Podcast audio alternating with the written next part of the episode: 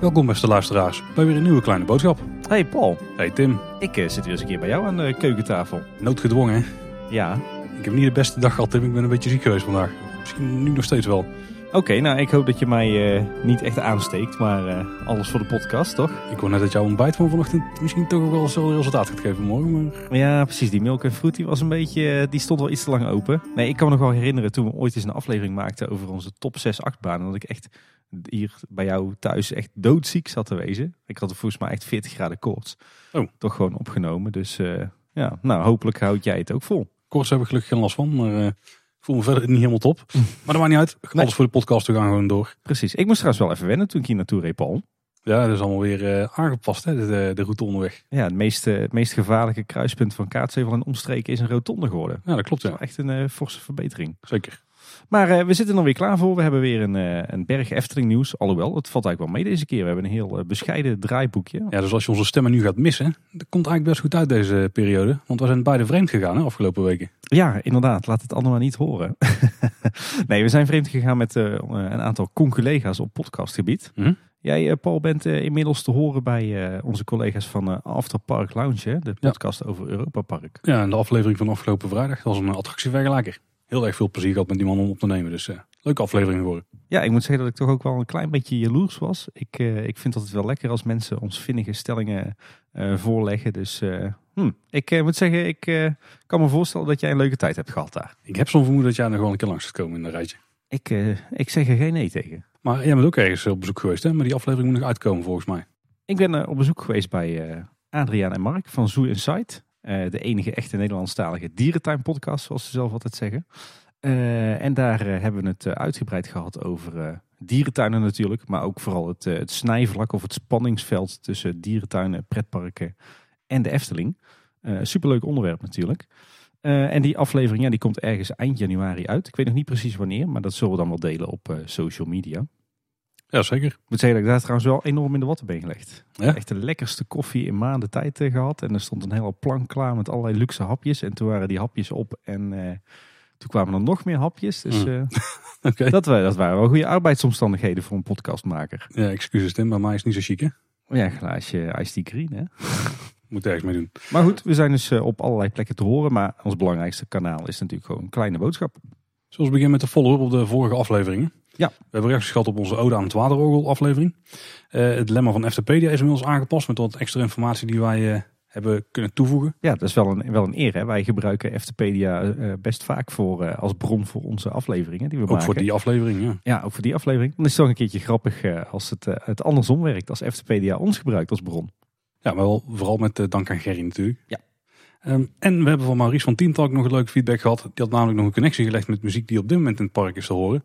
YMCA en het kleine café aan de haven. Die kun je namelijk nog bij de Game Gallery horen op dit moment. Ja, in een eh, soort van eh, moderne remix van eh, René Merkelbach. hè. Ja, en de, de medley hè, die er heel dag wordt gedraaid. Ja. Ja, dus toch nog een kleine knipoog naar het waterorgel. En we hadden ook nog reacties op aflevering 133. Dat was de vorige nieuwsaflevering.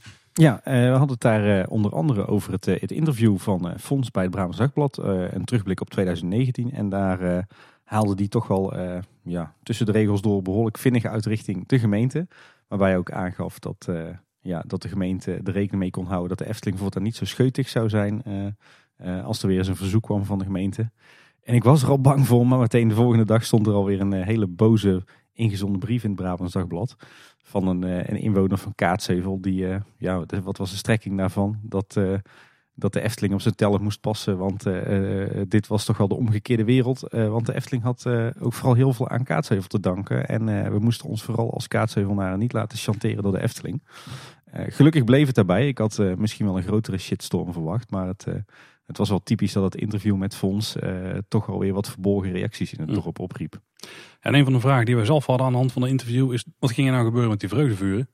Want er werd weer in dat interview gemeld dat die zouden stoppen in 2020. Ja, daar werd, eh, Fons werd daar zelfs gequote, hè, dat hij dat gezegd zou hebben. Ja, eh, ja, soort van, ja. Maar eh, je weet wat ze zeggen, de krant brengt de leugens in het land. Want eh, inmiddels zitten we alweer een, een week of twee en een half in 2020. En de vreugdevuren branden nog steeds. Ja. Gelukkig maar. We hadden het ook over de nieuw geopende familiekamers in het landhuis in Bosrijk. Daar hebben we een uitgebreide review van gehad van Milena. Hartstikke bedankt daarvoor. Ja, onze Efteling-fan eh, vanuit eh, Groot-Brittannië. Ja, zeker. Die ook die hele toffe voice clip had ingesproken. Of eigenlijk het, het sprookje van de zes zwanen, die ze wel zouden kunnen gebruiken daar. Ja. Ja, naast de uitgebreide online review heeft ze ook nog voor ons een voice clipje ingestuurd. Dus eh, die gaan we even luisteren. Hey, Tim and Paul, Milena here. I'm back from my New Year's week stay at one of the freshly refurbished Bosrek rooms at the Landhouse building, and I wanted to give you my thoughts on them. The new rooms do look a lot like the designs they'd worked up. They're a bit more modern and elegant looking than the old rooms and have more of a hotel feel. The new bed feels bigger and is super comfy. We slept very well. The mattresses no longer slide apart during the night, which is nice. No more Sandman sheets for the grown ups, though. They're still figuring out the hotel service that's now included. Room turnover is quite sporadic, cups and glasses weren't being cleaned yet, and the beds weren't always made. There's no system for letting them know if you want fresh towels like they do in hotels, you know, like leaving the old ones on the floor. There's also no do not disturb sign you can hang on your door to opt out of the cleaning service should you want to. The bathroom and washing closet are still the same. The bath is still big and awesome, and the shower is still wonderful. The washing closet still has a sink, but there is still no hook for a towel or a soap dispenser in the washing closet, so you still have to go to the bathroom to wash your hands properly, which vexes me. The kids' room has lost a lot of character, but it does have a lot more space. You still get the free nightcaps and a storybook, of which you can get an English version at reception. You can also borrow a cuddly owl toy from reception, which is quite sweet. The nightcap stand is now positioned right next to the kids' beds, which means you've got a good chance of bumping your head on it when you tuck the kids in, so maybe they should move that for safety. The new seating area is nice enough, but not that comfortable because you have to crane your neck to look at the TV if you want to sit on the sofa with your family. Another gripe is that you still get a kettle, but there doesn't seem to be anywhere sensible to plug the kettle in. The lead isn't long enough for most sockets. The delivery service is so useful after a long day at the park. There's a handy phone at reception with which you can order your pizza, but there isn't one at the Landhouse building. The table is sorely missed when you want to eat your pizza, but you still get the mini fridge, which is very useful. There's no longer a microwave in the room, but there are a few on the ground floor of the Landhouse building for everyone to use, which is nice. Overall, I really miss the more rustic style and the homey feel of the old apartments. They really felt like I was coming back to my home away from home, but I can get used to the new rooms, though there is room for improvement. With the new rooms, breakfast is no longer optional, so this was our first time trying the buffet. It was quite a nice spread with many sweet breakfast options like pastries, donuts, but also fresh bread, yogurt, granola, fruit. There were cold sandwich meats and cheeses and ready prepared sandwiches with various fillings. There were cold boiled eggs, warm fried eggs, warm hollowed out bread buns with bacon and egg inside, and hot scrambled eggs. There was even a little basket with gluten free bread things. Most things weren't labelled though. For drinks, there was milk, chocomel, fristy, berry smoothie, apple juice, tea, and coffee, though we avoided the tea. On busy days, the staff would guide you to your table, and Red Riding Hood went round the tables and talked to the little children. Overall, a good experience. Breakfast changed slightly on different days. Some things were available some days and not others, but pretty good regardless. As usual, we were much too tired to try the pool and were always elsewhere when Mr. Sandman came to tell his stories. Though I've always been a loyal bus track customer, I might try Launchland or the hotel next since there is now less of a difference between them. I hope this was useful. Until next time. Houdoe. Nou, bedankt Milena. Dus, Ja. eh, ondanks een paar mankementjes klinkt het goed. Ja, inderdaad. Wat een, eh, een tof verslag. Eh, lekker uitgebreid. Lekker Brits, daar hou ik van. Nee, een heel, eh, hele toffe review van iemand die, die de nieuwe familiekamers in het landhuis zelf heeft meegemaakt. En ik denk alleen maar goed dat je ook nog wat aandachtspuntjes voor de Efteling daarin hebt opgenomen. Daar, daar kan het alleen maar beter van worden. Nou, want ik zie onszelf er niet direct komen. Nee, ja, wij slapen zelf onderhand in Bosrijk. Onderhand wel, ja. Maar ja, ze heeft dus ook een hele mooie review geschreven op, op haar website. Ga die zeker even lezen. Ja, we kregen verder de vorige nieuwsaflevering ook nog wat, eh, wat eh, feedback eigenlijk weer op onze bonusaflevering met reactie, eh, van, reacties van luisteraars. Waarin we het hadden over wel of geen spookhuis bij de circusachtbaan in de uitbreiding van het Reizenrijk. We kregen al een reactie van Eftel Moan, of Moan. Ja, Moan hè? Ik weet het nog steeds niet. Nee, precies. Ehm, over dat, eh, dat er wel degelijk rond eh, de eeuwwisseling, dus van de, de, de 19e naar de 20e eeuw, al spookhuizen waren. En hij heeft nog een kleine aanvulling. Hij schrijft: Het lijkt erop dat het spookhuis uit 1915 geen echt transportsysteem was. Het enige wat ik kon vinden was dat het op stoom werkte. Van het spookhuis op Coney Island is bijna niks te vinden. Hm, Hofstone, oké. Blijft, eh, blijft toch een beetje een, een mysterie. Zoals het een goed spookhuis betaamt. Ja. Nou, een discussie die, die ons en nog een paar luisteraars eh, heel erg veel bezighoudt, is hoe zit het nou met de ledkleur in het Huis van de Vijf Zintuigen? Het is een beetje een wazig verhaal. Eh, volgens mij gebruiken ze in de winter ongeveer alle kleuren die ze hebben. Alle kleuren van de regenboog. Hey. Dat is eh, een ander park. Oh ja. Ik, denk, ik vind zelf nog steeds denk ik, eh, de klassieke blauwe buitenkant en gele binnenkant. Dat ik die het mooiste vind. Helemaal mee eens. Maar tijdens deze winter hebben we ook nog blauw gezien aan de binnenkant. Ja. En ook nog rood aan de binnenkant. Maar dat is dan blijkbaar voor speciale gelegenheden hebben we inmiddels geleerd. Ja, en afgelopen woensdag zag, zag ik zelfs het grootste gedeelte blauw uitgelicht aan de binnenkant. Maar het gedeelte zeg maar bij de eh, controlepoortjes dan een beetje lila. Oké. Dus eh, ze, doen, eh, ze experimenteren behoorlijk met de, de, kleur, de lichtkleur in het Huis van de Vijf Zintuigen. Ja, dus even samenvattend van een insider kregen te horen dat de winter is blauw aan de binnenkant. Rood voor speciale gelegenheden, zoals met oud en nieuw. Maar ook rood zie ik wel vaker langskomen. Ja. Misschien is het dan heel speciaal heel vaak. Zou. Uitkopen of zo, ik heb geen idee. En geel is dan normaal. En van diezelfde insider kregen we nog het verhaal van Clemens Bocht uitgelegd. Ja, maar daar gaan we het nu even niet over hebben uit eh, privacy-overwegingen. Maar zat inderdaad een mooi verhaal achter. Ja, waarvoor eh, dank. Ja, en tot slot kregen we nog een hele belangrijke correctie van eh, Ries via Instagram. Want wij noemden in onze vorige nieuwsaflevering de kolommen van Max en Moritz bruin. Maar ze zijn in werkelijkheid natuurlijk heel erg donkergroen. Was een brain fart, denk ik. En eh, we zouden het toch niet hebben over wat er vandaag met je aan de hand was, Paul? Oh, sorry. Dan de hoofdonderwerpen. Ja. Tim, het allerbelangrijkste nieuws van deze week kwam van jou. Ja, dramatisch Efteling nieuws. Eh, misschien nu al wel het, het meest toonaangevende nieuws van 2020. Want eh, tot mijn spijt heb ik gezien dat de enige echte, allerleukste, allerknapste, meest humoristische, licht cynische, meest aantrekkelijke, meest kindvriendelijke roodkapje ermee stopt. Oh. Ja, Nou, het bijzondere van deze uitspraak vind ik dat ik echt compleet dacht dat een andere kapper jouw favoriet was.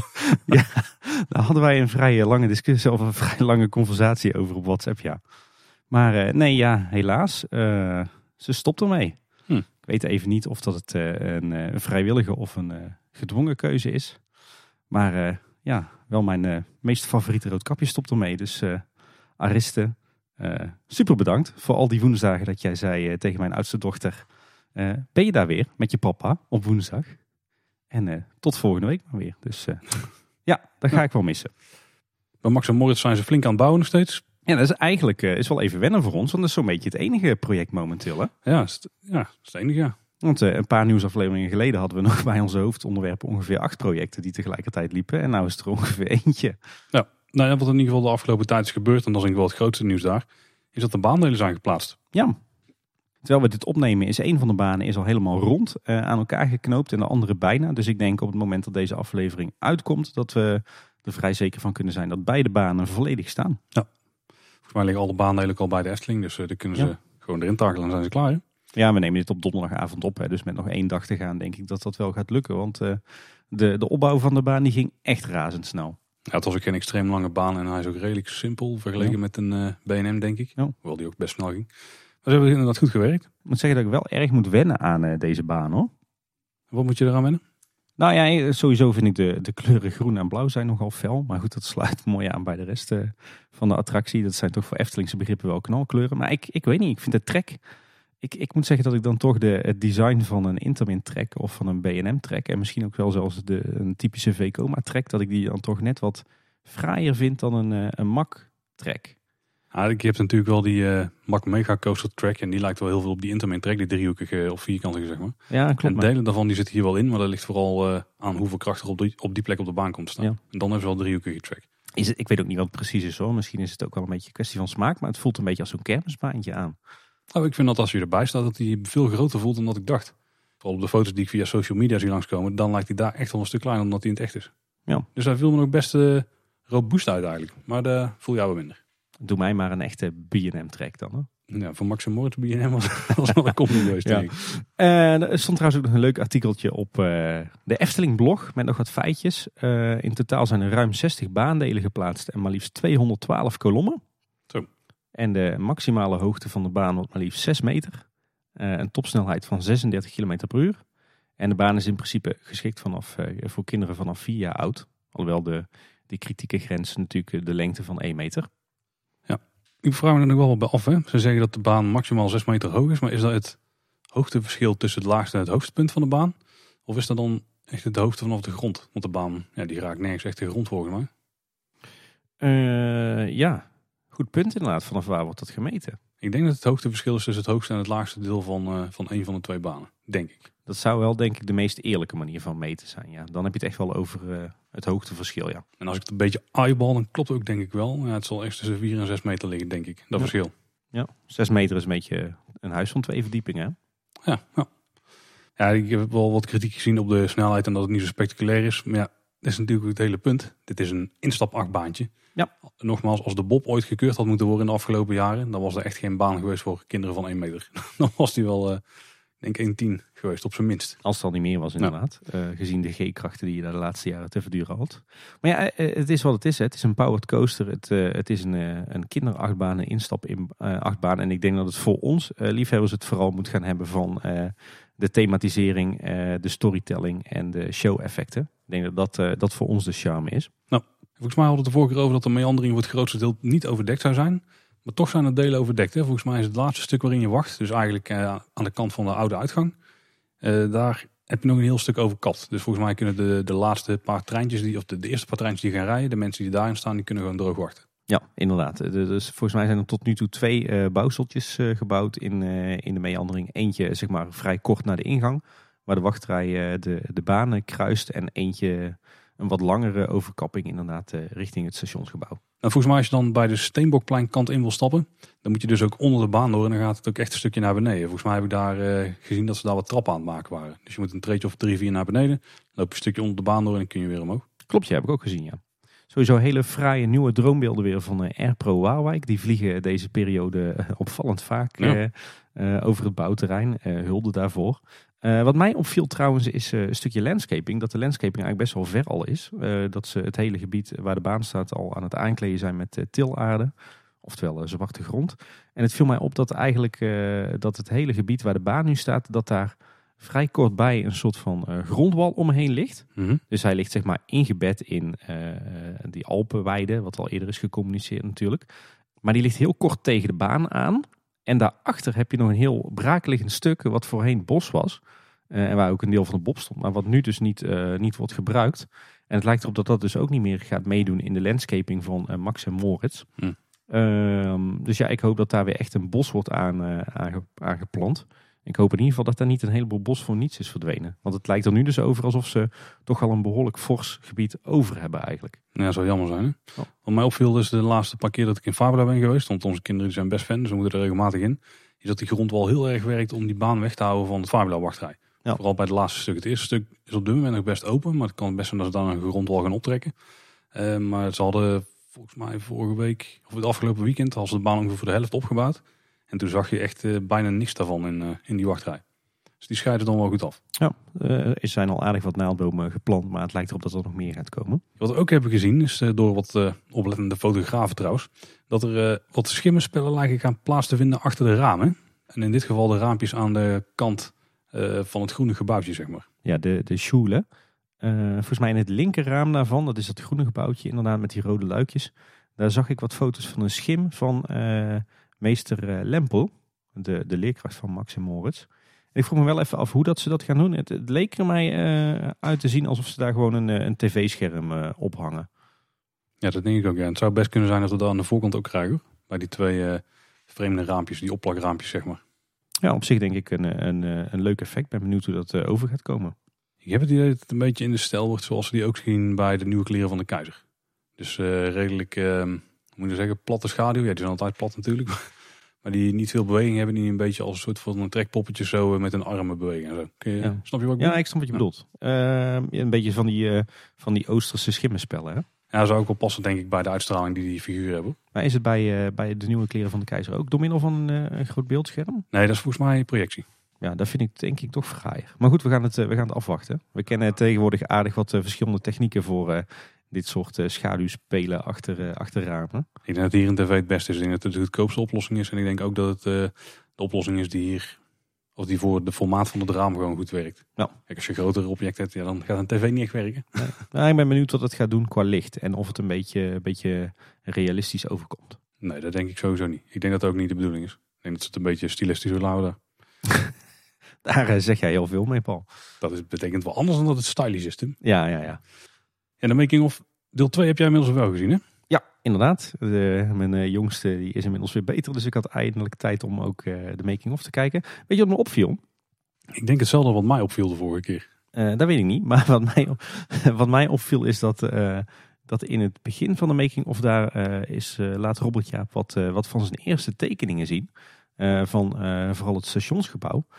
En eh, de vorige aflevering hadden we natuurlijk behoorlijk wat kritiek op wat er nu gebouwd wordt. Maar het viel mij op dat die, die eerste tekeningen voor het stationsgebouw, dat die ontzettend mooi en stijlvol eruit zagen. En ook heel erg passend in de Efteling. Ja, daar viel me ook op, ja. Oh, kijk. En ja, dan vraag ik me toch af, wat is er dan in vredesnaam gebeurd dat we nu eh, krijgen wat we inmiddels zien? Ja, is toch misschien de evolutie van in het bouwproces of zo? Ik heb geen idee. Ja, ik zat te denken, is het dan eh, dat, zo dat de originele ontwerpen toch te duur waren? Dat er daarop is, eh, is bespaard? Of eh, gaat het ergens fout tussen het eerste ontwerp en de uitwerking in, in werktekeningen? Of, of ergens in de uitvoering? Ja, het zou eigenlijk niet moeten kunnen, want volgens mij is het zo dat Henk en zijn team eh, alles kunnen bouwen wat je Ja. maar tekent. Zoals je me voorlegt, ja. Maar eh, ja, het viel mij heel erg op, zeker in het licht van, eh, van de beelden die we in deel 1 hebben gezien. Van wat we waarschijnlijk te zien gaan krijgen aan, aan stijl en bonte kleuren en grapjes en grolletjes. Dat die eerste tekeningen er een stuk stijlvoller en Eftelingser uitzagen.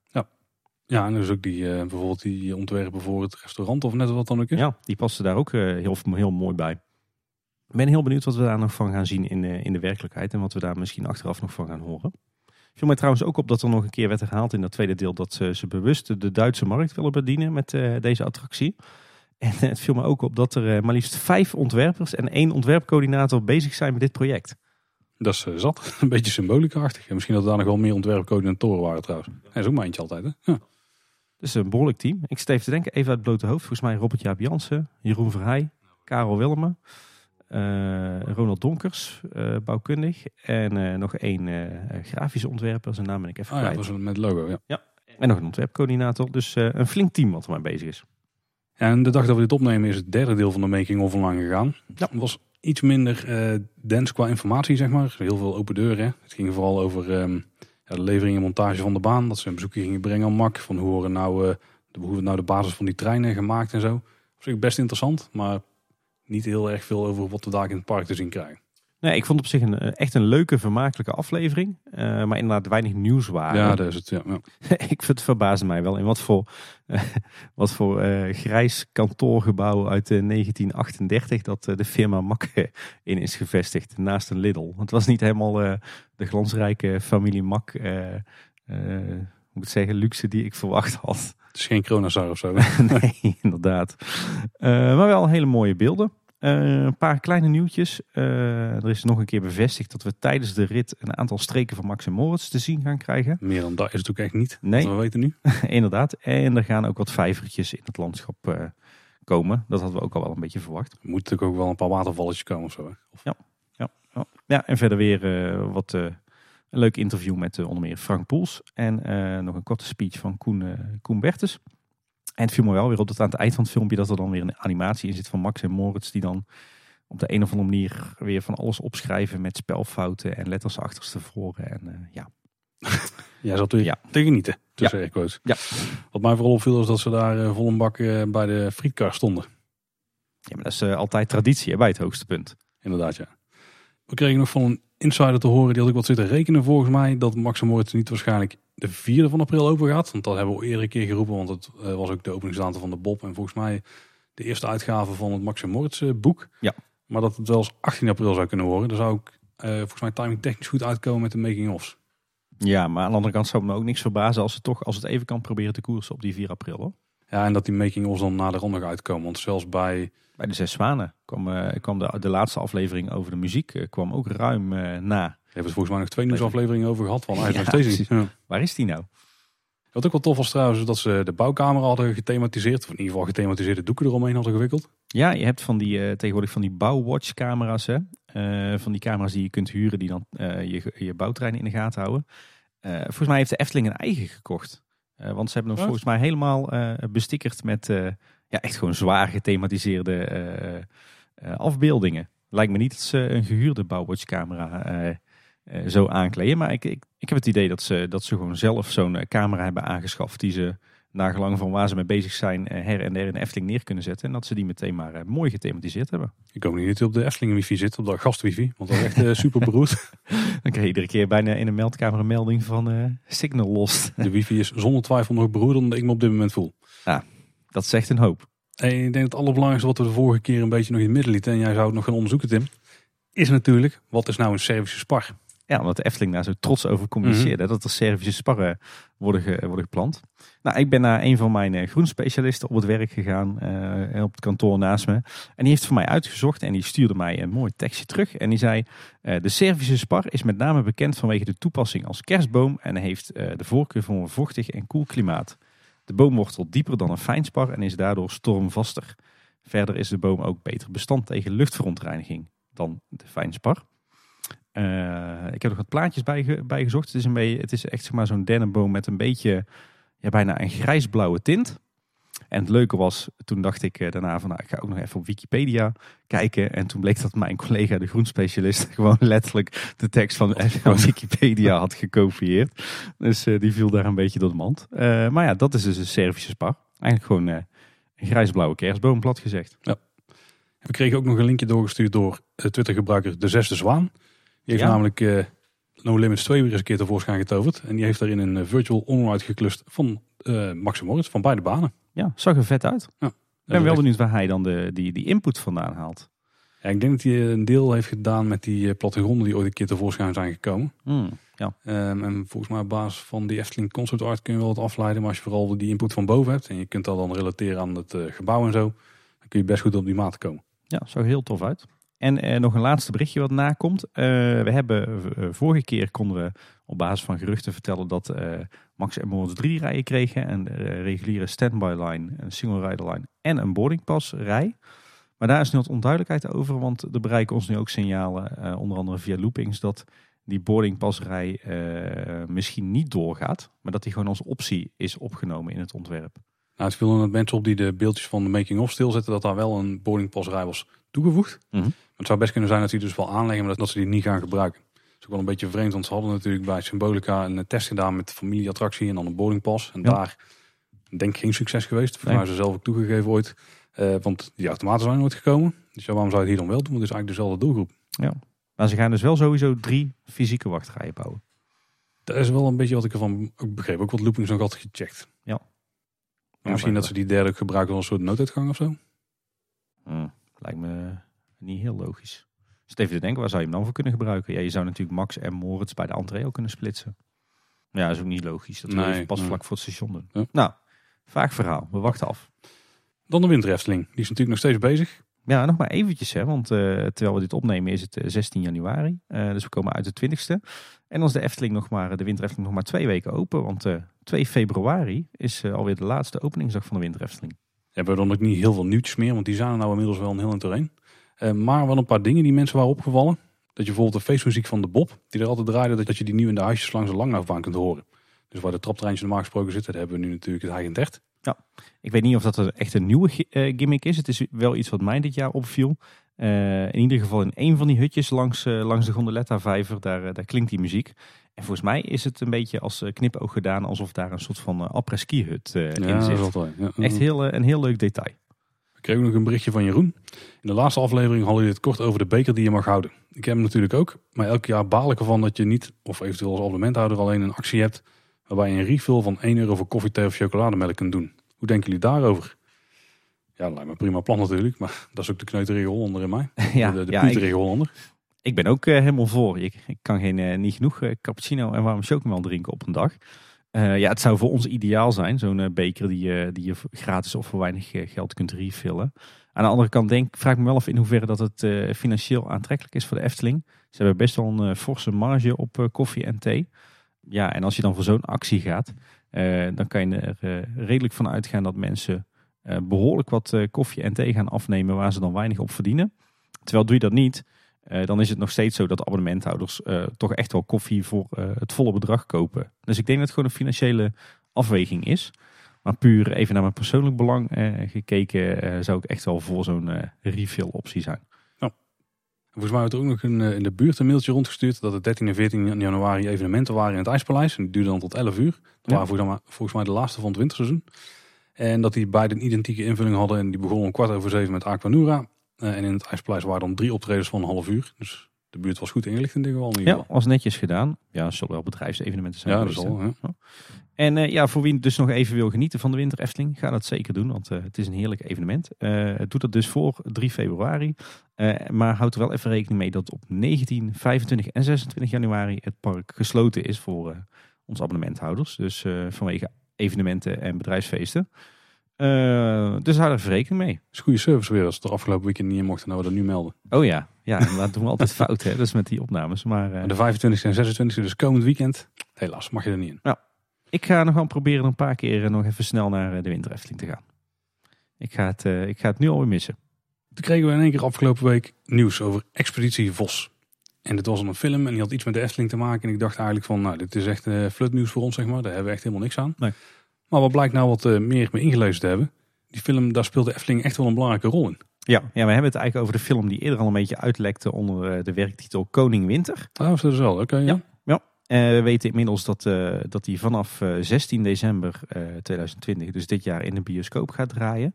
En het wordt inderdaad ja, echt zo'n Nederlandse familiefilm die rond kerst uitkomt. Hè? Weet je, dat alles is liefde genre, zeg maar. Maar nu dus Expeditie Vos. En eh, die speelt zich volledig af in de Efteling. En de Efteling is niet alleen een anoniem decor. Het is er ook gewoon echt, de Efteling is de Efteling. Ja. En daar gaat het, eh, de familie, familie Vos dus, die gaat daar jaarlijks naartoe, een weekendje weg.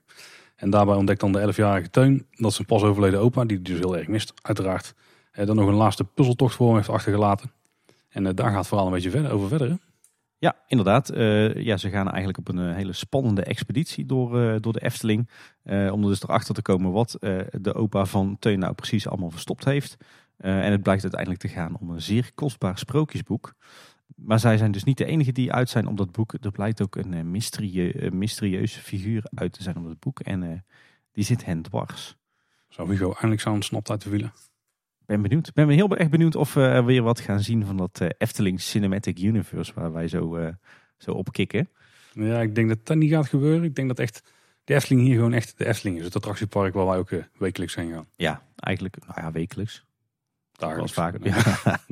dat het echt zeg maar het letterlijk en figuurlijk het canvas is zeg maar. Dus gewoon de locatie. Nou, ik denk wel dat het wel meer dan dat is hoor. Omdat eh, het is niet zomaar de locatie, maar het draait ook echt over het attractiepark, de Efteling. En het is niet voor niks een sprookjesboek wat erin terugkomt. Ik denk dat ze wel voor de Efteling hebben gekozen omdat het een eh, eigenlijk een niet vervangbaar element van het geheel is. Ja, ik, eh, ik vond het verrassend. Er komt natuurlijk ieder jaar wel één of twee van dit soort films uit. Eh, en eh, je hebt ook geregeld tv-producties, zeker eh, rond de kerst, die zich in de Efteling afspelen. Best verrassend dus. En ja, best wel een aardige cast ook. Ik heb even de lijst voor me. Wat bekende namen. In ieder geval bekend voor mij zijn onder meer eh, Anna Drijver, Zeker, ja. Fokkeline Ouwerkerk, eh Frederik Brom, Peter Faber eh, en Edo Brunner. Ja. Toch best wel eh, wat eh, ja, van die typische Nederlandse acteurs die je in al dit soort films en series voorbij ziet komen. Maar ja, behoorlijk eh, hoog van niveau, denk ik. Ja, dat denk ik ook, ja. Ik, ik ga hem zeker kijken. Ik denk dat wij met onze kids zeker in, midden in de doelgroep vallen. Inderdaad. Eh, alhoewel ik normaal gezien dit soort films ja, ondertussen wel beu ben. Maar goed, deze hier heeft eh, de Efteling zo'n prominente rol Ja, Die gaan we zien. dat is de voornaamste reden dat ik hem waarschijnlijk ook ga checken. Misschien moeten we ook eens eh, wat doen met een luisteraars-evenement. Ik, eh, ik weet dat het inmiddels nogal trendy is in podcastland. Volgens mij bij Details en de Trust Nobody podcast doet het ook, hoorde ik laatst. Wij hebben het ook twee keer gedaan al toen. Ja, ja, we hebben ook wel, wel luisteraars-evenementen. Maar dat we gewoon met al onze luisteraars naar de film gaan. Ik denk dat ze dat niet erg zouden vinden. Moet ik hem wel twee keer zien. Want eh, ik denk dat ik hem natuurlijk wel eerst eh, heel romantisch met Anne ga kijken. Niet met de kinderen. Nou, misschien wel. Twee keer, dus je gaat hem al twee keer kijken eigenlijk. Ja, en dan misschien nog een derde keer met onze luisteraars. Je bent echt goed voor de eh, lokale paté. Nou, ik ben overigens wel nog benieuwd of we nog wat gaan horen over die plannen van Pathé om een mini-bioscoop in of bij de Efteling te beginnen. Nou, misschien is dat dus een hele tijdelijke mini-bioscoop waar ze deze gaan premiëren. Oh, dat is slim gedacht. Misschien dat er dan gewoon een tent wordt opgetrokken of zo. Zou zo maar Voor kunnen. een paar maanden. Zou best kunnen, ja. ja. Wel een eh, prima idee. Ook ter gelegenheid van de uitkomst van deze film gewoon even een, eh, een tijdelijke pop-up bioscoop op de speelweide. Ja, of op eh, een deel van vak KLM ergens of zo. Ja, dat wordt een beetje lastig misschien trouwens. Het is natuurlijk allemaal van die Ja. palen. Maar ergens gewoon in de buurt dat je gewoon een los ticket moet kopen. Ja. Speelwijze zou kunnen maar Leuk, goed idee. we hebben de code gekraakt denk ik. Afgelopen 16 januari zijn de nieuwe ticketvarianten in de verkoop gegaan. En de nieuwe tickets die zijn geldig vanaf 3 februari. En die zijn dus die, eh, ja, de tickets waarbij ze een iets complexer prijssysteem hebben gehanteerd. Ja, Overigens heeft Toverland wel zijn best gedaan om dan nog eens even dik en dwars overheen te gaan. die proberen alles wat eh, de Efteling doet zelf eh, nog net even tandje... Even af te troeven. Ja, precies. We hebben daar dus vier ticketvarianten. We hebben de Fakir ticket voor 38 euro. De Elf ticket voor 41 euro. Draak ticket voor 43 euro. En de Treus ticket voor 45 euro. En dat zijn de prijzen die je aan de kassa betaalt. Als je de tickets online koopt, dan zijn ze 2 euro goedkoper. Ja, eh, en verder is het zo dat de duurdere tickets natuurlijk ook geldig zijn op de goedkopere dagen. En andersom, als je een eh goedkoper ticket hebt, maar je komt op een duurdere dag, dan kan je het verschil bijbetalen en dan mag je ook naar binnen. En eh, de druktekalender, of eigenlijk de kalender die daarbij hoort, die is inmiddels vastgesteld. Die staat ook online. We zullen het linkje wel even in de show notes zetten. En daarvan is ons ook verzekerd dat die niet meer wordt gewijzigd. Het is wel opvallend dat er nog best wel veel groene dagen zijn. Dat zijn dus de dagen dat het gewoon rustig is. Ja. Dus dat is ook best gunstig. Dus eh, je kunt op best wel veel dagen die goedkope tickets in, eh, inzetten. En dat de prijscategorie ook echt wel overeenkomt met de werkelijke drukte. Dus je ziet ook dat de drukste, de duurste maanden, de reus ticketmaanden. Ja. Dat zijn ook gewoon juli en augustus, zoals het eigenlijk al jaar is. Want dan betaal je al een hoger tarief. Ja, dat was sowieso wel opvallend hoor. Die allerduurste tickets, dus dat inderdaad die, die categorie reus, zie je ook echt alleen maar terug in juli en augustus. En niet op andere hele drukke dagen, zoals ze noemen ze een dwarsstraat, hemelvaartsdag of kerst of zo. Nee. En ik moet ook zeggen, ik was van tevoren bang van, ja, je hebt dan het allergoedkoopste ticket. eh, dat is dan waarschijnlijk maar drie dagen per jaar geldig. Maar eh, eigenlijk eh, ben ik nog best wel positief verrast dat dat ticket eh, behoorlijk vaak geldt. Dus best wel veel dagen dat het, het allergoedkoopste ticket geldig is. Ik ben positief wel verrast. Weet je wat ik heel, wel heel vreemd vind? Ik had van tevoren, ze hebben natuurlijk nu eh, vier eh, prijscategorieën. Ik had ook verwacht, dan is het druktekalender ook opgedeeld in vier categorieën. Ja, dat zou logisch zijn. Donkergroen, lichtgroen, oranje, rood. Eh, en die dan corresponderen met de prijzen. Maar als je nou goed kijkt naar de, de druktekalender zoals die nu online staat. Dan blijkt dus dat er eh, helemaal geen eh, directe link zit tussen de voorspelde drukte en de entreeprijs. Ja, dus ze hebben een losse agenda voor de entreeprijs en een losse voor de, voor de voorspelde drukte. Ja, en die is gecombineerd in één kalender. Maar het is dus niet zo dat de kleur die de drukte aangeeft, dat je die kunt linken eh, aan een prijs. Geregeld wijkt dat dus af. Dat is wel Daar zit dus ja. geen lijn in. Hm. Raar hè?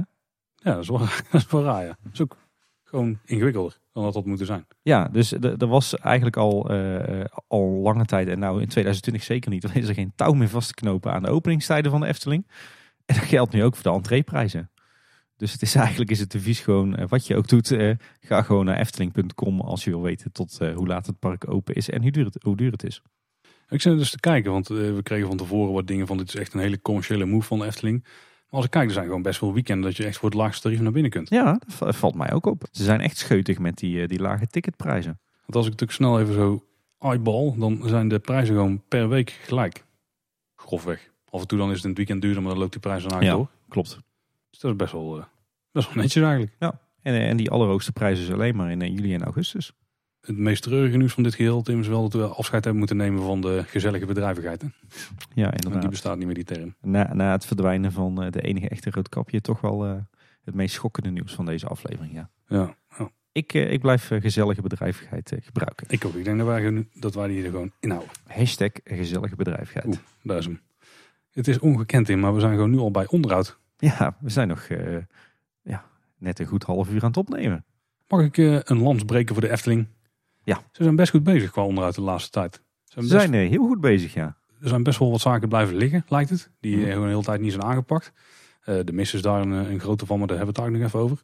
Ehm, maar ook andere zaken die ze dan hebben aangepakt, maar dan net niet helemaal correct. Waar volgens mij vooral de feedback van op social media te zien is. Mhm. Ik noem maar bijvoorbeeld, uh, daar alvast de voorschot opnemen, de belichting van het ei in de vogelrokwachterij. Ja. Die hadden ze al gefixt, maar daarbij was het lam nog, eh, nog in zicht. Dat heb ik een paar mensen horen noemen op social media.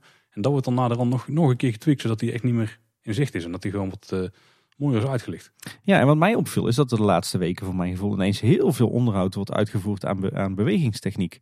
Heel veel bewegingen die het al lange tijd niet meer deden, eh, die doen het ineens weer. Of die doen het zelfs eh, weer lekker soepel en vlot zoals ze het ooit van origine deden.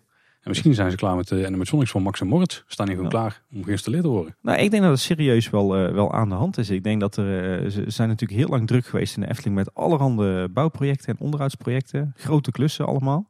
Eh, en nu is eigenlijk het enige wat nu nog loopt, is Max en Moritz. Eh, en volgens mij eh, verder vrij weinig. En misschien dat ze nu dus inderdaad eh, wat mensen over hebben eh, die, eh, die ze al die kleine storingjes kunnen gaan Ja. oplossen. Het, eh, Of zou het nog veel simpeler zijn? Dat de nieuwe budgetten voor het jaar weer helemaal vrijgegeven zijn. En dat die nu allemaal meteen geïnvesteerd worden. zou kunnen. Zou nog kunnen. Hmm. Of een combinatie van beide. Ik denk dat het wel, eh, het is natuurlijk manpower en het is gewoon knaken. Ja. En die zijn alle twee vrijgekomen nu. Maar eh, heel veel eh, tof onderhoudsnieuws deze keer. Nou, dan zullen we eens even doorheen lopen. Ja. Het meldje van Assepoester, wat ik als een van de meest geniale bewegingen binnen de Efteling heb gebombardeerd ooit. Die is weer helemaal gefixt. Ja, inderdaad. Die was heel, heel houterig ineens. Maar die doet het weer zoals het hoort. Ja. Het enige wat ze daar nog eh, moeten fixen in, eh in Assenpoester eh, zijn die, die duiven rond die schaal met voer. Die, die staan nog steeds stil. Maar verder werken daar alle bewegingen weer. Verder, want dan blijven we gewoon even in het sprookjesbos hangen. De heks van de Indische waterlelies, die bewoog de laatste tijd ineens heel houterig. En inmiddels is die ook weer gefixt, want die beweegt ook weer heel vloeiend. En een heel, heel, heel, heel, heel klein mini aandachtspuntje misschien, eh, eh, waar ze nog eens wat mee mogen doen. eh, als ze echt niet meer weten wat ze moeten doen, is achter in de keel van de heks zit een, een klein ledje. En nou ja, wat ik al zei, dat is een minuscuul dingetje. Maar dat ziet er natuurlijk een beetje gek uit als ze staat te zingen. Dus misschien dat ze die nog even met de watervaste stift eh, moeten aantippen. Dan is die animatronic helemaal perfect. En verder viel mij ook op eh, afgelopen woensdag, eh, terwijl het, eh, de regen met bakken uit de lucht kwam en er dus niemand in de zes zwanen zat, zijn we maar een paar rondjes gaan doen. En volgens mij hebben ze het, het sluitmechanisme van de vleugels van de zwanen aangepast. Ja, dat is een goede zaak dan. Ja. Of er zit een heel nieuw mechanisme op. Het ziet er wel vrij nieuw uit. Of ze hebben het mechanisme wat er bij de oplevering op zat, hebben ze aangepast. Maar ze gaan ineens een stuk vloeiender open en dicht. Hm. Heel goed. Goed nieuws voor de medewerkers daar. Ja, zeker. En Joris en de Draak die is sinds 23 december gesloten. Natuurlijk heel jammer. Het is eigenlijk gewoon bijna heel de vakantie is dicht geweest. En afgelopen 13 januari zijn ze bezig gegaan met werkzaamheden. Ja, volgens mij worden de liftkettingen vervangen en ook de liftmotor. Dat lijkt in ieder geval op als we foto's zien. Ja, die liftmotor weet ik niet zeker. Die liftkettingen wel. Die, we zagen ook foto's dat die dan met een kraan worden ingetrokken. Mogelijk dat er toch iets... Hè, een tijdje terug is dat, eh, dat ongeluk geweest eh, in Mhm. Europa Park met Wodan, waarbij de ketting brak. Misschien dat eh, GCI eh, toch nog even heeft gekeken naar welke tolerantie mag er nou zitten op de ketting. Hoe ver mogen ze nou slijten? Misschien dat het advies toch is geweest vanuit de producent of misschien wel vanuit de TUF. Van joh, eh, je moet die liftkettingen echt per direct eh, vervangen, want het is niet meer 100% veilig. Dus dat is denk ik wel aan de hand. Er kwam inderdaad een plaatje voorbij van een, eh, een heftruck of een verrijker met een motor erop. eh, die gespot was bij de, de onderhoudspoort. Alleen ik heb wel vaker liftmotoren gezien. Eh, natuurlijk vooral die van de Vliegende Hollander. Maar die zien er toch een stuk groter en indrukwekkender uit dan dat kleine ding wat ze, eh, waar ze mee rondreden bij Joris en de Draak. Dus ik denk dat dat eh, geen liftmotor is geweest. Misschien eh, een soort van lier of zo om die ketting erin te trekken of iets. Maar Ja, zo, ik ja. kan me niet voorstellen dat dat de liftmotor was. Dan is het wel een heel uh, mini gevalletje. En het Witte Paard die is vanaf 27 januari gesloten voor twee weken. Dat is gewoon voor regulier onderhoud en een grote schoonmaak. Looping zal het even gecheckt en we kunnen geen grote wijzigingen verwachten daar. Nee, inderdaad. Gewoon even een eh, flinke schoonmaak. Het viel me trouwens wel op dat, eh, en dan lopen we eigenlijk alweer een beetje op het draaiboek vooruit. Maar dat er de laatste weken wel iets belangrijks is gewijzigd. We gaven eerder al aan dat er een, eh, nu een echte afruimband is. Nou, inmiddels hangen er ook allemaal overal door het hele Witte Paard allerlei bordjes die naar, daar naartoe verwijzen. En het viel me op dat nu ook de afruimkarren, waar je normaal gezien je dienblaadje inzet, dat die zijn verdwenen.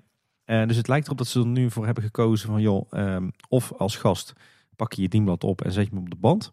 Of je laat het gewoon staan en de medewerkers ruimen het op. Maar dus die extra stap van joh, opstaan, eh dienblad in die afruimkar. En vervolgens eh, moeten de medewerkers één voor één al die dienblaadjes er weer uitpakken en naar de spoelkeuken lopen. Eh, dat ze daarmee stoppen, omdat het toch erg omslachtig is. En dat ze nu op deze manier gaan werken. Ik denk dat dat best wel wat efficiënter is en wat tijdswinst oplevert. Ja. En dan het nieuws waar we net al een beetje over hadden. Bij Droomvlucht, daar is weer mist gespot in het Sompenwoud. En niet alleen maar een klein pufje, zoals we in het verleden al een keer melden. Maar gewoon echt redelijk serieuze mist. Redelijk serieus hè. Ik, ik, ik heb er eens op gelet. Eh, afgelopen woensdag. eh, zelfs ik heb deze keer de mist gezien. Maar het is wel het is weinig hoor. Tenminste, Ja? toen ik erin zat. Het is een heel minimaal eh, wat, wat pufjes mist. Niet heel veel meer. Ik dacht ik wel gehoord en ook via foto's gezien te hebben dat je de leidingen in het water bijvoorbeeld niet meer ziet liggen. Dat die wel Nou, genoeg gemaskeerd zijn. Maar dat was in jouw geval, in jouw is, ervaring in ieder geval niet. Het is minimaal, hoor, moet ik zeggen. In het Kastelenrijk is hij wel weer redelijk op peil. Ook niet wat het ooit geweest is. Maar eh, in Sompenwoud, het, goed, er is wat mist, maar het stelt niet veel voor. Ik heb wel het idee dat het uit een nieuwe installatie komt. Want eh, ik zag wat, eh, wat buizen die ik nog niet eerder gezien heb. Dan zat ik wel te denken, er zijn natuurlijk al heel lang problemen met mist in allerlei binnenattracties. Of althans, de, de mist doet het al heel lang niet meer. De Efteling heeft het over een complex technisch probleem. Wij hebben al wel eens gehint van, joh, hebben ze niet een probleem met legionella? Eh, maar nu zat ik te denken, ook als je ziet hoe ze nu aan het experimenteren zijn met, eh, met die mist. eh, zit het probleem misschien niet in iets anders. Namelijk in zeg maar de wisselwerking tussen de mist en de brandmeldinstallaties van bijvoorbeeld Fata Morgana en Droomvlucht. En wat doet jou dat denken dat dat misschien het geval is?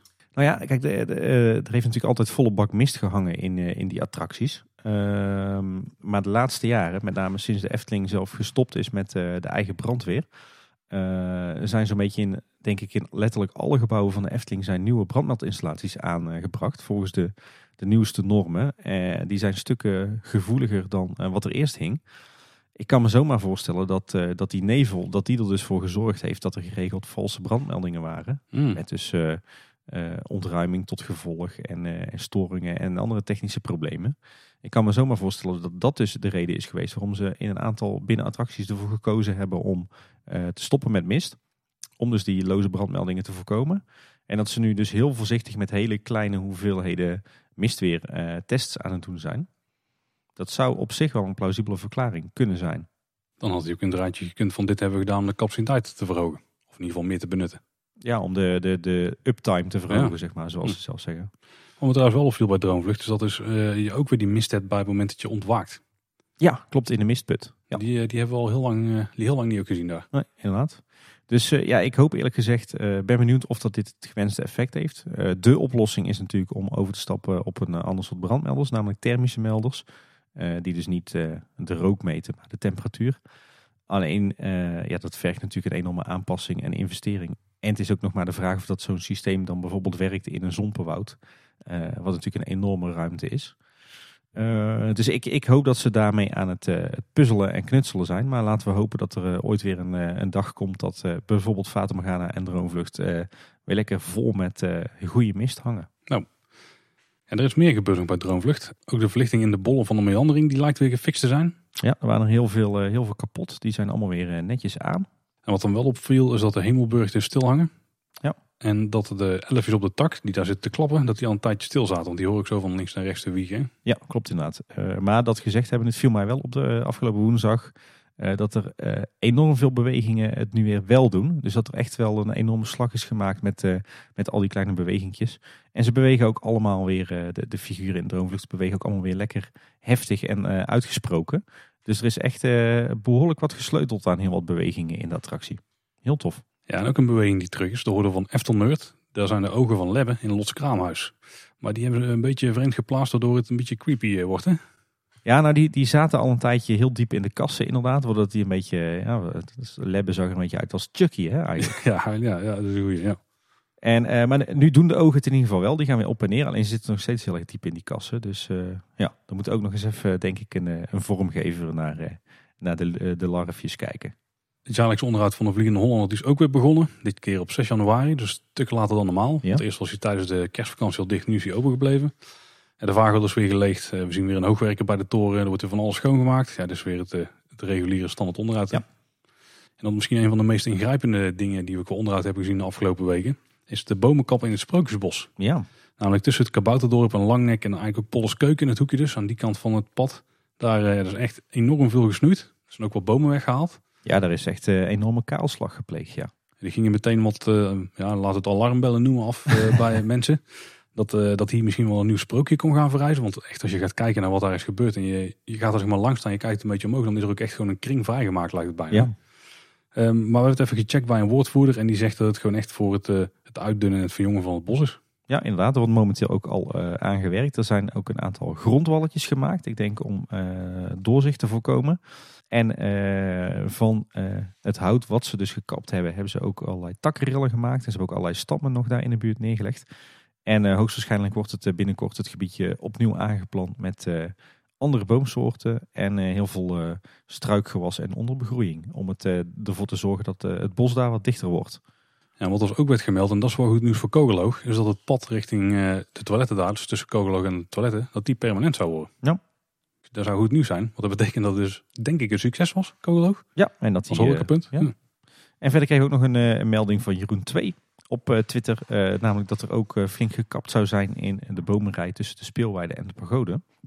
En er, is, de, zijn sowieso de laatste tijd her en der, zeker in het Marenrijk, flink wat bomen verdwenen. Eh, en de reden daarvan, daar hebben we het eigenlijk nooit over gehad in onze podcast. Maar misschien een keertje toelichten, nou we hier toch zo zitten. Eh, dat heeft te maken eigenlijk met eh, de VTA, zoals dat dan zo mooi heet. De Mhm. Visual Tree Assessment. Hoe zit dat nou? In Nederland is het zo, als je een boom hebt, als je eigenaar bent van bomen of er staan bomen op jouw grond, dan ben je wettelijk verantwoordelijk voor die bomen, voor de veiligheid van de bomen. Eh, en als er dan toch wat met zo'n boom gebeurt, eh, er breekt een tak uit of de boom valt om en eh, die valt op een auto of op een huis of in het slechtste geval op een mens, dan ben jij als eigenaar van die boom aansprakelijk, volledig. Tenzij je aan kan tonen dat je voldoet aan een zorgplicht, dus dat je goed voor je bomen hebt gezorgd. Nou, hoe doe je dat nou? Daar heeft, heeft men gelukkig ook wat op gevonden. Je voldoet aan je zorgplicht als je eens in de drie jaar alle bomen een VTA geeft. Dus een visuele keuring, een Visual Tree Assessment. Door een eh, European Tree Technician, zoals het dan zo mooi heet. Zo, oké. Eh, en die beoordeelt dus al je bomen eens in de drie jaar. En als daar dan uit blijkt dat eh, een boom dood is of ziek of een risicoboom, dan moet die gewoon wettelijk gekapt worden. En je kan je voorstellen in een park als de Efteling, waar natuurlijk duizenden bomen staan, vaak enorm oud, dat daar tijdens zo'n zo'n keuring geregeld is een boom wordt gevonden die niet meer vitaal is, zoals het dan ook weer zo heel mooi heet. En ja, dan moet je zo'n boom kappen uit veiligheidsoverwegingen. En mogelijk is dat dus ook de reden waarom er eh, de afgelopen jaren toch op best wel veel plekken oude bomen gekapt zijn. En gewoon omdat ze eh, niet meer gezond zijn. Zouden die mensen ook kunnen omkopen, Tim? Want dan zouden ze eens een keer op sprookjesboom kunnen afsturen. Ik wou net zeggen, je kan ze niet omkopen om bomen goed te keuren die niet meer goed zijn. Maar andersom zou het misschien wel Ja. ja. Oeh, snoot plannetje. Gewoon even een risicoboom maken voor de sprookjesboom. Ik ben voor. Hij zag er de laatste weken niet per se goed uit. Al een paar keer schoongemaakt, dus misschien hadden ze even langs moeten komen. Maar goed, wellicht eh, dat er dus in dat kaalgekapte stuk sprookjesbos... dat er ook wat van die, eh, die afgekeurde bomen stonden. Maar eh, het lijkt er dus vooral op dat ze echt dat gebiedje willen verjongen... en ook wat meer onderbegroeiing willen toepassen. Hoe is het met de, de lokale discotheek gesteld, Tim? Ja, heel goed. Of althans, eigenlijk, eh, er is nog wat allerhande kleine onderhoudsnieuws over de stoomcarousel. We hebben het al heel lang in deze podcast over de knipperende ledlampjes in de carousel. En met name aan de gevel van de carousel. En wat blijkt, eh, ineens zijn alle ledjes, eh, ledlampen gerepareerd. Dus de lokale disco is gesloten. Ja, Hmm. geen enkel knipperend eh, eh, tussen aanhalingstekens gloeilampje meer in en rond de stoomcarousel. Oké. En wat mij wel opviel is dat er eh, een eh, paar van die eh, ledlampjes ineens een ander kleurtje hebben. Dit zijn allemaal van die witte bolletjes eh, eh, nu, iets te wit naar mijn smaak. Maar ik heb er nu ook een paar gezien die een beetje gelig, een beetje oranje zijn. Dus eh, ja, of ze hebben de verkeerde lampen besteld, of ze zijn toch een testje aan het doen met andere lichtkleuren. Hm. Ik eh, moet zeggen, ik word daar eh, Vrolijk best van. wel vrolijk van. Alhoewel, ik vind eigenlijk dat we bij de stoomcarousel uiteindelijk toch een ledlamp terug moeten krijgen die er echt uitziet als, een, als gewoon een transparante lamp met een, een gloeidraad tussen aanhalingstekens. Want die, die zijn ook gewoon verkrijgbaar in de markt. Dus, Ja, die zijn er best aardig tegenwoordig. hè? dus ik denk dat we daar, dat, dat de ideale oplossing zou zijn. Maar goed, op zich wel wel goed dat die LED-kleur, die lichtkleur wordt aangepast. Eh, en verder viel me ook nog op dat er eh, nieuwe noodverlichting is aangebracht eh, boven de, de trapjes, zeg maar van de salons naar de in- en uitgang van de carousel. Het is een beetje lelijk in het plafonddoek verwerkt, maar goed, het zal niet anders kunnen. En de vorige keer melden we al dat er een nieuw hekwerk staat tussen de, de wachtrij en de carousel zelf. Volledig nieuw. En dat die bolletjes die voorheen van messing waren, dat die nu gewoon van staal zijn, wat beige geverfd was. En inmiddels is het aangepast. Want die bolletjes die zijn eh, overgeschilderd met eh, metaalglimmerverf in een soort van messing of bronsachtige kleur. Hm. Dus eh, echt een oog voor detail daar. En een laatste iets wat mij trouwens wel opviel woensdag is dat de façade, dus zeg maar de, de houten buitengevel er op heel veel plekken echt toch wel heel slecht aan toe is. Hm. Heel veel eh, houtrot, heel veel verf die afbladdert. En het viel mij zelfs op dat zeg maar zo'n beetje boven de ingang van de carousel, dat ze daar ook al een aantal van die ornamentjes met spiegeltjes hebben weggehaald. Of dat die misschien zelfs van de, de façade afgevallen zijn. Dus ik vermoed eh, dat we in 2020 eh, wel een groot onderhoud gaan krijgen aan eh, de houten façade van de carousel. Ik denk dat ze die een beetje proberen gelijk te houden met de Hollandse gebakraam. Qua uitstraling, Ja. ja. ja.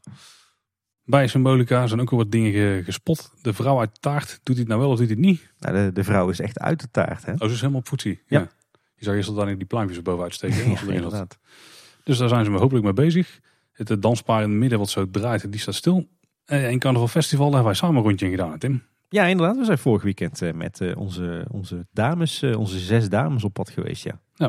En toen eh, viel ons daarbij op dat in Nederland waar je de, de draaiende danspaardjes hebt, dat er daar best wel veel van stilstaan. Dat Ja, ons- drie stuks. Die viel ons in het begin al op. Eh, we dachten toen misschien dat die nieuwe motors die ze hebben geplaatst, die ook de andere kant op kunnen draaien, dat die dan eh, de oorzaak zouden zijn. Of dat die niet sterk genoeg waren. Er zijn er nu inmiddels dus drie gesneuveld. Ja. Ook in Duitsland is zo'n danspaardje defect.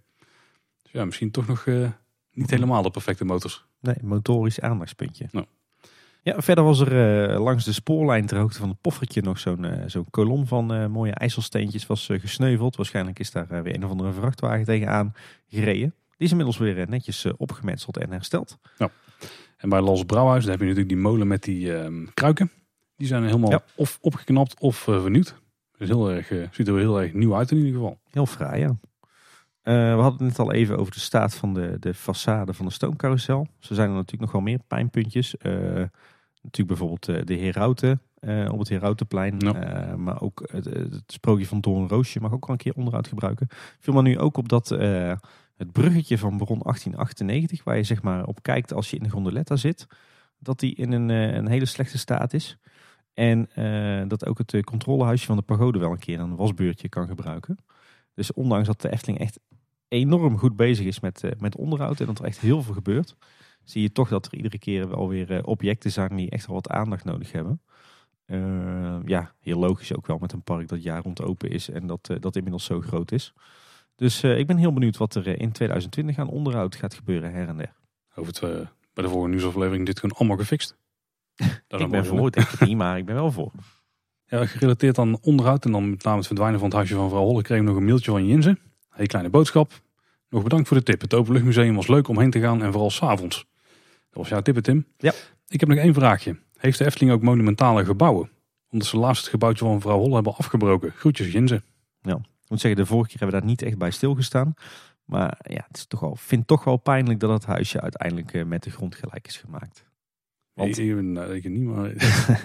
Want het, ja, we weten inmiddels wel, eh, wel met zekerheid dat dit eh, het, het alleroudste, nog originele gebouwtje in de Efteling was. Eh, maar goed, ik ben heel benieuwd wat we ervoor terug gaan krijgen. Het wordt vast mooi.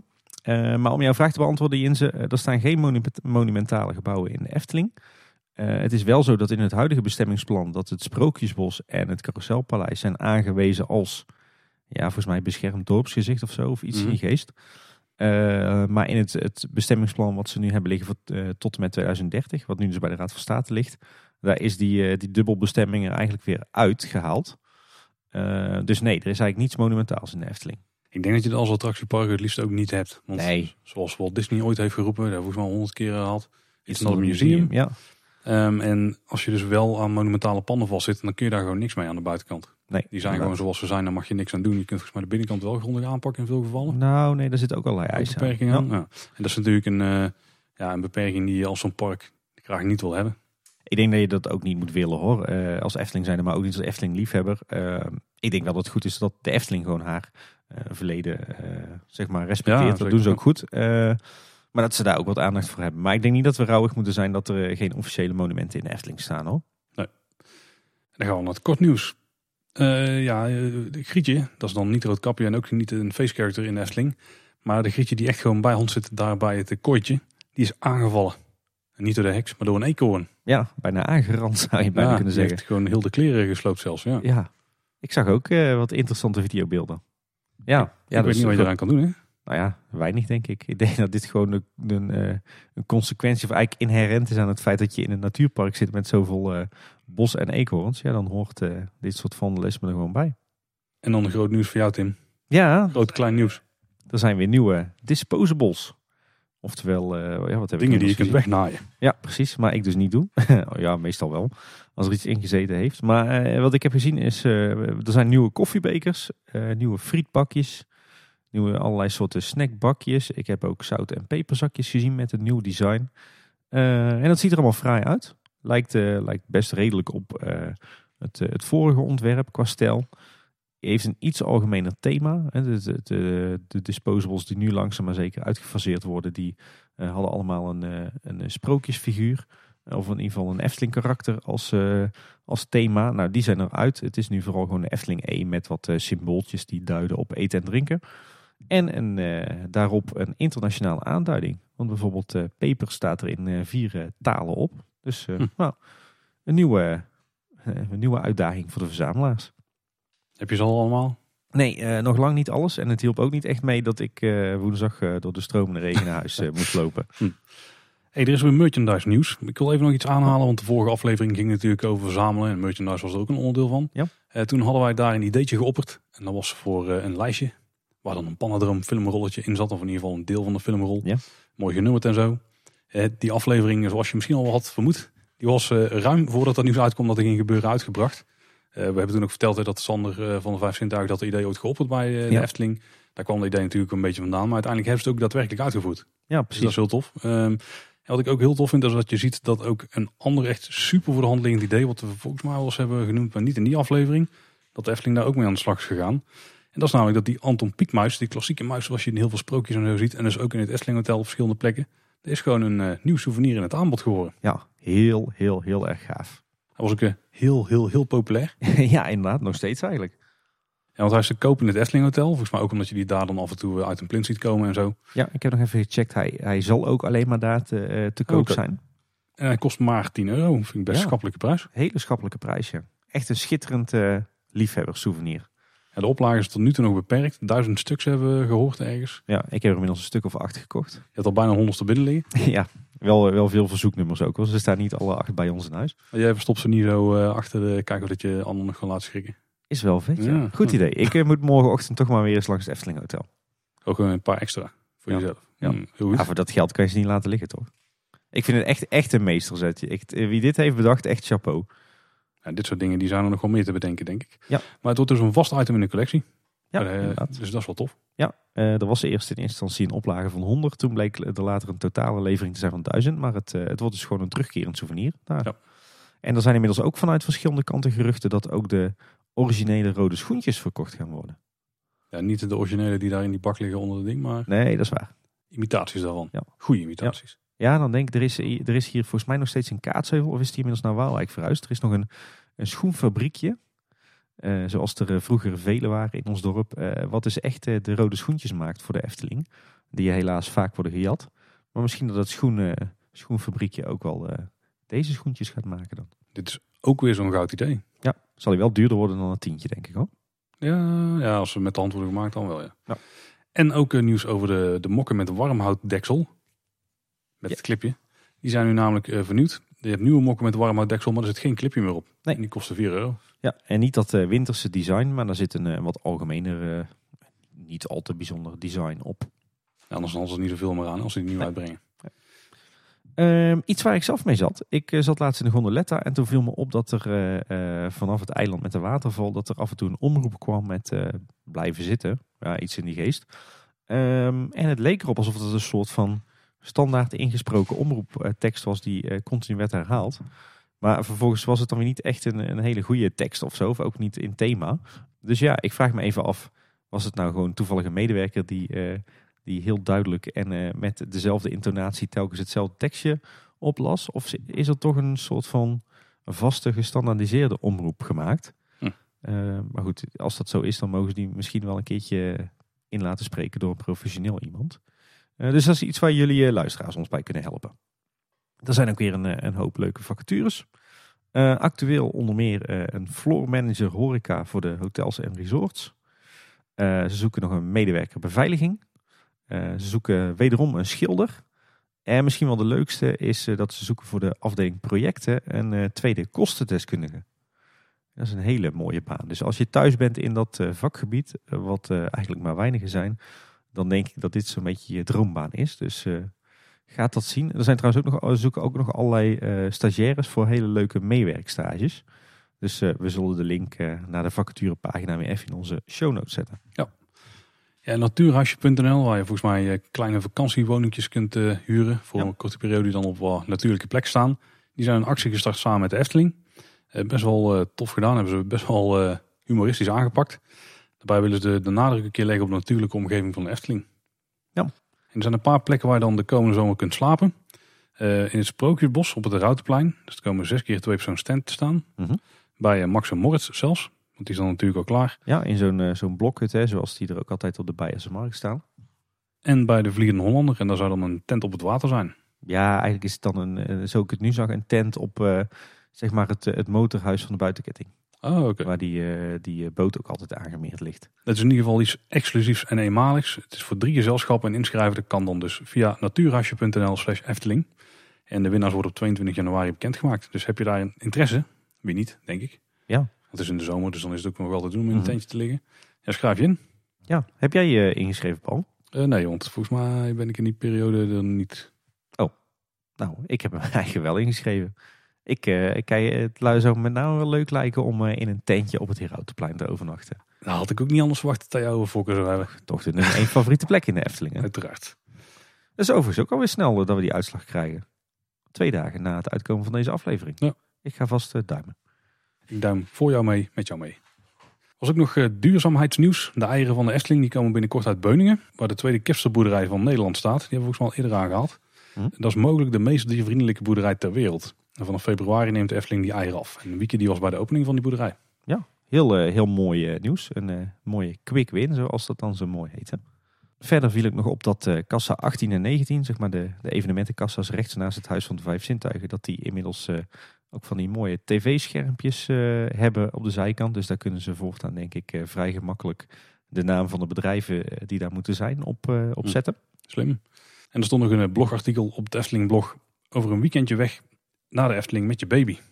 Hadden wij zo een hele aflevering van kunnen maken. Hebben we ook gedaan hè? Ja, niet specifiek een weekend met je baby. Maar ik snap wel waar dit vandaan komt. Wat heel veel mensen eh, denk ik doen. Daar raad ik ook eigenlijk iedereen aan die een kleine krijgt. Dat je aan het eind van je verlof nog even een vakantie doet. Ja. En dan is de Efteling best wel een mooie plek om heen te gaan. Ook al heb je nog een klein kind. Want daar hebben we in die aflevering wel over gehad. Baby switch en al die dingen. Ehm, ja, dat kan gewoon prima. Ja, en ik denk dat ook veel mensen het als een bezwaar zien om eh, naar de Efteling te gaan, omdat eh, je kind dan eh, geen middagslaapje in het eigen bedje kan maken, eh, als, je daar, eh, als je kind dat nodig heeft. En dit artikel is er vooral op gericht van, joh, kom toch naar de Efteling, neem een huisje in Bosrijk of het Loonse Land. Dan kan je namelijk terug naar je huisje voor de slaapjes en dan kun je dus toch gewoon lekker naar de Efteling. Dat is overigens iets, een tip die wij ook al wel eerder hebben gegeven in onze aflevering met tips voor een dagje Efteling met kleine kinderen. En in onze aflevering over een dagje of een druk dagje Efteling. Dus mooi om dat nu ook weer bevestigd te zien. Eh, verder wees Olaf me nog ergens op, Olaf Wezel. ehm, namelijk dat de Eftelingse straat, eh, zeg maar, eh, ja, hoe moet je dat nou gaan uitleggen? Tussen de ingang van Bosrijk en de Dodenauweg. Dat is nog het, een van de laatste stukjes waar dat nog een zandpad is. Er zijn plannen voor om die te gaan asfalteren, zodat die als calamiteitenroute kan dienen. Dus als een soort alternatieve ontsluiting als het verkeer op andere wegen vaststaat door een ongeval of zo. Eh, dat is er nog niet van gekomen. Ik durf ook niet te zeggen of dat, dat al mag binnen dit bestemmingsplan of dat dat gaat gebeuren zodra het, eh, het komende bestemmingsplan is vastgesteld. Maar vooruitlopend op het verharden van die weg eh, hebben ze al wel dingetjes gedaan. Zo staan nu aan beide kanten grote borden met calamiteitenroute Efteling, parkeren verboden en een wegsleepregeling. En aan de kant van Bosrijk hebben ze nu ook mooie demontabele rood-witte paaltjes neergezet. Zodat er verder ook niemand met de auto overheen gaat. Eh, dus ze zijn dan wel aan het voorsorteren op eh, de definitieve aanleg van de calamiteitenroute. Wieke, die we net ook al even aan. Wieke Smit natuurlijk. Die eh, meldde dat sinds april 2018, toen zijn volgens mij die nieuwe laadpalen geplaatst bij de entree van de Efteling. Dat er vanaf dat moment tot nu 250.000 kilowattuur is opgeladen bij auto's. En dat staat volgens hun gelijk aan ongeveer anderhalf miljoen elektrische kilometers. Ik denk dat dat heel erg eh, positief is ingeschat. Ik denk dat het eerder rond een miljoen ligt. Maar dat is niet verkeerd. Weer eh, wederom positief duurzaamheidsnieuws. Ja, zeker. Ja. Dan eh, zijn we er weer doorheen, Tim. Maar, en dan nog dit. Ja, onze rubriek waarmee we altijd afsluiten. Eh, ik zat dan zelf in Afterpark Lounge, eh, maar de aflevering daarvoor die ging over madhouses. Dat is ook een hele interessante aflevering. Daar nemen Jafet en Marvin een beetje de historie van de madhouses door. Ja, het was wel leuk. Die, begon, die aflevering begon dat hij eigenlijk ging over de Madhouse van Europa Park. Hè? Ja, daar is dan een hoe, Mystic, nee, hoe heet het? Eh, in ieder geval geen madhouse, want dat is dan, dus blijkbaar de Vekoma-term, hebben wij weer geleerd. Eh, maar ehm, Cassandra's vloek. Vloek. Zo heet hij. Ja, nee, maar het was een Mystic Swing of zo. Ja, zoiets ja. Iets in die geest. Ja. Ehm, daar begonnen het over. Maar ja, Villa Volta is natuurlijk het Madhouse ter wereld. Ja, en ook natuurlijk uh, Marwin's kindje eigenlijk. Hè? Ja, daar is wel dat is een heel zijn internetcarrière op gebouwd. Ja. dus de Efteling wordt veelvuldig aangehaald. En ook met een paar uh, ton anekdotetjes nog erin. Ja, en sowieso echt een hele uitgebreide uh, geschiedenis van de Madhouse. Daar gaan ze echt heel, heel diep in. Doen ze heel leuk. Dus dat is absoluut een, een luistertip. Nummertje 34 van Afterpark Lounge. Dus check die zeker. En wat weer is begonnen, Tim. Wie is de Mol is weer begonnen. Yay. Op het moment van uitkomen van deze aflevering hebben we al twee afleveringen gezien. Uh, maar op het moment van opname pas eentje. Ja. Ik moet zeggen... Jij was er niet zo positief nee. over, hè? zag ik op Twitter. Nee, ik, ik, de scherpte is er een beetje af in Nederland. Het is echt veel meer een reisprogramma geworden dan een uh, spelprogramma. En ik kan me er wel overheen zetten, want het is nog steeds een heel tof programma om te kijken. Mhm. Maar ja, we zijn nu wel echt verwend met die Belgische Wie is de Mol. Of Belgische De Mol op vier. Daar eh, weten ze wel uh, hoe ze een beetje de scherpte in de groep moeten houden. En uh, de spellen daar, daar kun je ook heel erg egoïstische keuzes maken die dan invloed hebben op de rest. Dat gebeurt in Nederland gewoon eigenlijk niet meer. En ik vind vooral de opdracht in Nederland een beetje flauwer. Want het is eigenlijk gewoon altijd een, ja, een heel matige manier van dingen zoeken in een omgeving. Of dingen, ja, in dit geval bijvoorbeeld combineren om tot geld te komen. Ja, een beetje, hmm. beetje, een beetje makkelijk allemaal. Dus ja. ik hoop dat de rest van het seizoen, want het is het twintigste, dat ons dan meer gaat verrassen. Maar waar ik eigenlijk heen wilde, dat is natuurlijk de podcast over Wie is de Mol. Ik denk dat er zelfs meerdere zijn, maar degene die ik uh, stevast ja, iedere maandagochtend tegenwoordig. Ja. Want volgens mij releasen zijn een uur naar ons. Luister is Trust Nobody. Ja, dat is gewoon wel echt de aanrader als je op de hoogte wil blijven van alles wat daar gebeurt. Ik moet zeggen, vroeger was ik best heel erg fanatiek Wie is de Mol kijken. Ik heb het ook een paar keer georganiseerd voor een groep. En ik speurde al die fora ook af en ik checkte daar alles en zo. Is gewoon niet meer nodig, want ik luister gewoon Trust Nobody. En dan ben ik in anderhalf, twee uur ook gewoon helemaal op de hoogte van alle theorieën en... Uh, alle, alle details die mensen waren opgevallen tijdens de aflevering. Dus ja. dikke luistertip. Ja, ja, er zijn volgens mij twee Wie is de Mol podcasts. De officiële Wie is de Mol podcast en Trust Nobody. Dat is trouwens wel een goede. Die laatste is ook wel een goede tip. Omdat die best wel een leuk kijkje geeft in uh, hoe die afleveringen nou tot stand komen. Ja. En dat is weer het creatieve proces wat dan wordt belicht. Vind ik interessant. Maar ze gaan daar niet in op waarom ze dan van die lullige opdrachten kiezen. Nou, ik, ik denk dat de Trust Nobody podcast dat het wel de kleine boodschap van Wie is de Mol is. Absoluut, ja, zeker. En uh, ik, uh, ik kijk ook weer uh, met plezier. Ik met iets meer plezier dan jij, maar dat ligt er misschien aan dat ik de Belgische De Mol niet heb gekeken. dat zal zeker aan. Ik, ik zit er weer lekker in en het is ook denk ik een stukje sociale bezigheid of zo. Ja, en China is gewoon wel een tof land. Dus voor het reisprogramma aspect van het geheel is het een hele, hele goede plek. Op wie zit Wordt je? een goed seizoen. Ik, ik denk Tina. Hmm, ik zit of. Op, hmm, ik zit ergens tussen Leonie en Johan. Maakt, mij niet uit als Nathan nog maar lang in blijft. Dan vind ik het ook goed. Oké. Okay. Ja Tim, wat was jou nog opgevallen? Nou, ik wil eens nog een complimentje uitdelen aan de Efteling. En wel aan het team van Symbolica. Want uh, mijn uh, vrouw stond met mijn, uh, mijn dochters in de rij van Symbolica. Lang gewacht. Bijna vooraan. En ja, je raadt het al. Toen moest de oudste, die net zindelijk is, die moest plassen. Goeie timing. Nou, drama, je snapt het wel. maar wat bleek, de medewerkers die zeiden... joh, maak je niet druk. Ga even plassen achter Polles keuken. en kom daarna terug. En zo gezegd, zo gedaan. Ze konden via de uitgang weer terug naar binnen. Werden terug in de wachtrij gezet tot de plek waar ze er ook uit gingen. En konden dus vrijwel meteen in het karretje stappen. Dus echt sublieme plasservice, om het zo maar te zeggen. Echt Netjes, ja. complimenten. als we dan buiten de Efteling gaan kijken. Ik ben toevallig laatst weer eens in Burgersoe geweest. Klein jaartje eerder ook al geweest. Maar nu hadden ze toch weer iets nieuws. nieuwe verblijven voor de, de ringstaatmakies, de zwarte makies. De neusberen en de doodsoofdaapjes. Normaal gezien zijn dat in andere dierentuinen altijd hele saaie schuurtjes, zeg maar. Maar uh, burgers is het, uh, is het gelukt om daar eigenlijk een soort van 2019 versie van te maken. Hele mooie gethematiseerde gebouwtjes met ook, die ook aan de binnenkant, de binnenverblijven heel mooi gethematiseerd. Mooie landscaping, dus dat was weer tof. En sowieso vind ik burgers ook een van de mooiste, zo niet de mooiste dierentuinen van Nederland. Dus dat was weer een, een tof bezoek.